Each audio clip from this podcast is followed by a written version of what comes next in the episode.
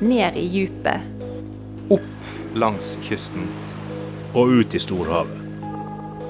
Havpodden, en HI-podkast.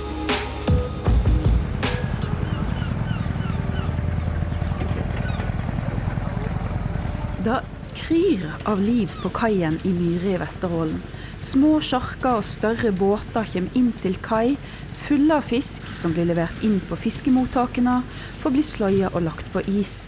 Skreifiske er i full gang. Skreifiske i Lofoten og Vesterålen er legendarisk. På nyåret og utover våren kommer fiskere fra nord og sør for å bli med på eventyret. Og det har de gjort i flere hundre år. Skrei er mat, kultur, penger og arbeidsplasser. Men hva type fisk er en skrei, og hvor kommer den egentlig ifra? Ja, er, skreien er en, eh, en torsk.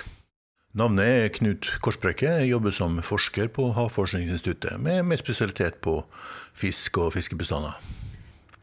Eh, skrei er en betegnelse på den eh, torskebestanden vi har i Barentshavet. Og den har da et eget navn fordi at den vandrer, skridaren, en gammelt navn på den torsken her.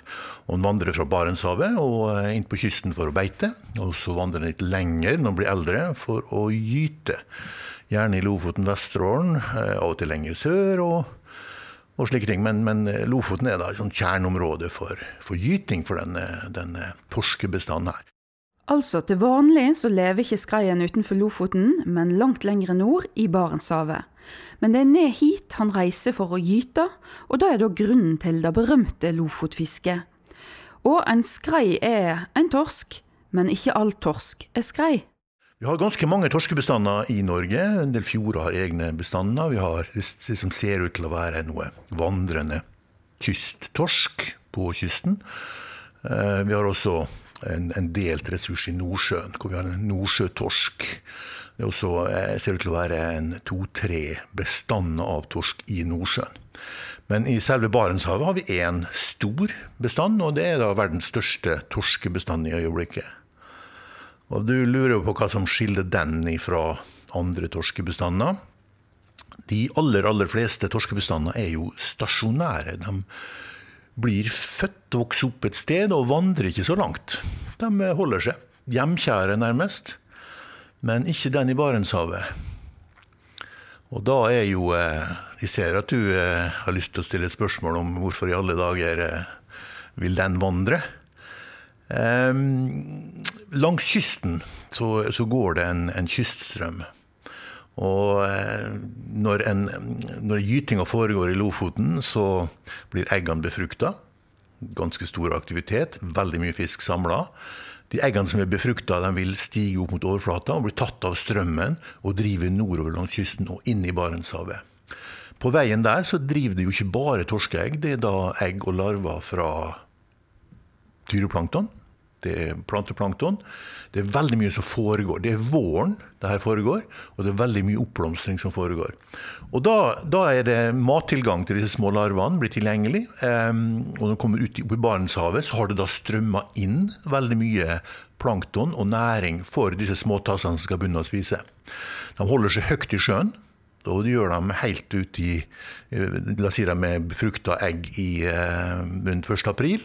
Og fortsatt i august-september så vil de være høyt i vannmassene, men da er de allerede begynt å ligne på småtorsk. Og eh, etter hvert så skal han begynne da å gå mot buen og oppføre mer som vanlig torsk. Men han har altså beita seg opp, og det finnes da eh, ganske så mange milliarder individ av disse ynglene oppi, oppi havmassene der nå. Så du kan si at uh, torsken han blir født skreien, unnskyld, han blir født i Lofoten. Og så får han haik med kyststrømmen opp til Barentshavet, og det er jammen med nister på ferden òg. Ja, det er, er riktig. Uh, det interessante her er vi kan tenke oss uh, hva skjer hvis han velger å bli stasjonær eller være igjen oppe i Barentshavet? Jo, vi kan tenke seg at det foregår gyting ved Bjørnøya, det skjer nok det òg. Eh, da skjer akkurat det samme. Eggene vil stige opp mot overflaten og bli tatt av strømmen.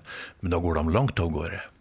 Da har de ikke den eh, gode starten som du får langs norskekysten og i den sørlige delen av Barentshavet. Da er de allerede på full fart inn i områder som etter hvert utpå høsten vil bli islagt og være nokså utrivelig for en torsk. Slik at den vandringa sørover det er det som har gjort det mulig for, for skreien å bli en så stor bestand. Hvis den har vært stasjonær, så hadde det vært en mer kystnær torsk. Og de forsøkene på å etablere seg lenger nord i havet ville antageligvis ikke vært noe særlig. Det vært små bestander flekkvis i Barentshavet uten noe greier der nå. Jaha. Men igjen spørsmålet hvordan begynte det her? Og da er det jo de gode forskere som har jobba med genetikken. Og har funnet ut for noen år tilbake, man ser på, på genetisk sammensetning, og funnet ut at eh, for inntil bortimot to millioner år siden skjedde det en mutasjon slik at det helt sett, kromosomsett ble endra på torsken. Og det skiller da den skreien ifra annen torsk. Slik at skreien har da den mutasjonsendringa som skjedde for lang, lang tid tilbake. Og har da eksistert som en egen populasjon i, i større og mindre grad i all den tid i ettertid her nå. Og vi lurer på om den mutasjonen er den som hadde trigga den vandringa her og gjort det mulig å ha en, en stor bestand her nå. Men To millioner år det er jo forferdelig lang tid. Og da kan man begynne å telle ganske mange istider. Og i alle dager, hvor var den skreien når det var istid? Den har nok vært da lenger vest, lenger sør. Men de samme mekanismene har kanskje fortsatt eksistert den gangen. At det var et da behov for å vandre sørover for å gyte, og så drive nordover sammen med næring og, eh, og ha en oppvekst på det der. Det er ikke urimelig å tenke seg. Som egg og larve får skreien haik med straumene opp til Barentshavet. Og her skal den vokse opp til å bli en stor, flott fisk, som sjøl skal sumja sørover for å gyte. Men den bruker noen år på å bli gammel nok for turen. De uh, ivrigste eh, begynner som femåring, men uh, det vanligste er vel en åtte-ni-ti år som førstegangsskyter. Og av og til så får vi jo førstegangsskytere som kanskje er både elleve og tolv år gamle. Og da er det ganske stor fisk som kommer. De har brukt god tid i Barentshavet, spist skikkelig store. Og da er de større enn de tolvåringene som har vært flere ganger i Lofoten. De er betydelig større og har mye mer melk og mye mer rogn. Så de er også da gode gytere. Men de har eh, venta på det her. Mange forskjellige strategier i det her nå. Ganske så spennende å se. Den store variasjonen er fra skrei til skrei. Og ikke minst når du sammenligner med, med, med andre torskebestander, hvor du også har da stor variasjon imellom når det skal gytes, hvor fort man vokser osv. Men når de kan være ja, så gamle som tolv år når de debuterer, hvor, hvor, gamle kan de egentlig bli, disse skreiene? Ja, da, De kan nok eh, begynne å nærme seg en 20 år. Men eh, den eh, gytinga tar jo på. Så når man har gytt den tre-fire ganger, så, så, begynner man å bli nokså sliten og, og satt litt mer ut. Så det er ikke så van, vanlig å finne skrei som er mer enn 15-16 år. Det er det ikke. Skreien er verdens største torskebestand. Men hvor mange skrei fins da egentlig? Og hvor mange av de kan vi fiske uten at vi fisker for mye? Altså hvor stort kan fiskepresset være? I mange år har Knut jobba med det regnestykket, som toktleder for det årlige skreitoktet. Og da drar vi ut med forskningsfartøy, og eh, vi bruker ekkolodd til å registrere hvor mye fisk det er.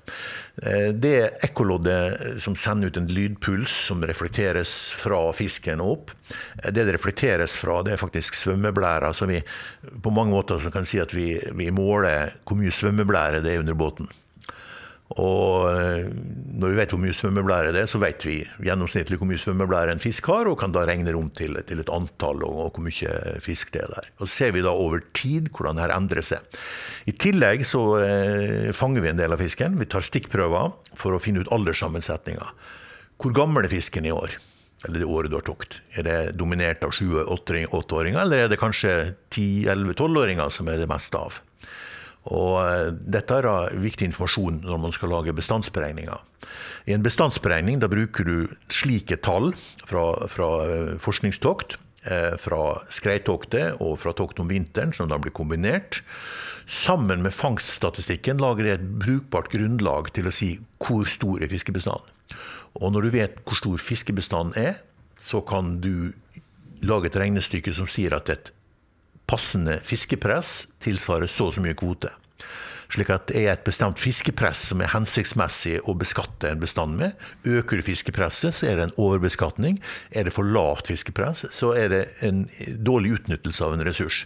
Så har vi passende fiskepress, og så kan vi regne det om til hva vil det tilsvare i kvote. For et for stort fiskepress har en sett resultatene av tidligere. En fiska for hardt på skreien på slutten av 90-tallet, og bestanden ble mindre. Norge og Russland de deler på skreikvoten, og det var gjennom det norsk-russiske samarbeidet at en fant det grepet som gjorde at skreibestanden igjen skulle vokse seg stor og solid. Ja da, det var eh, intens jobbing i Norsk-russiske fiskerikommisjon om å etablere disse forvaltningsreglene, da, som nå er med å eh, holde det her eh, fisket i, i tømme og på et fornuftig nivå. Ja, disse forvaltningsreglene, hva innebærer de?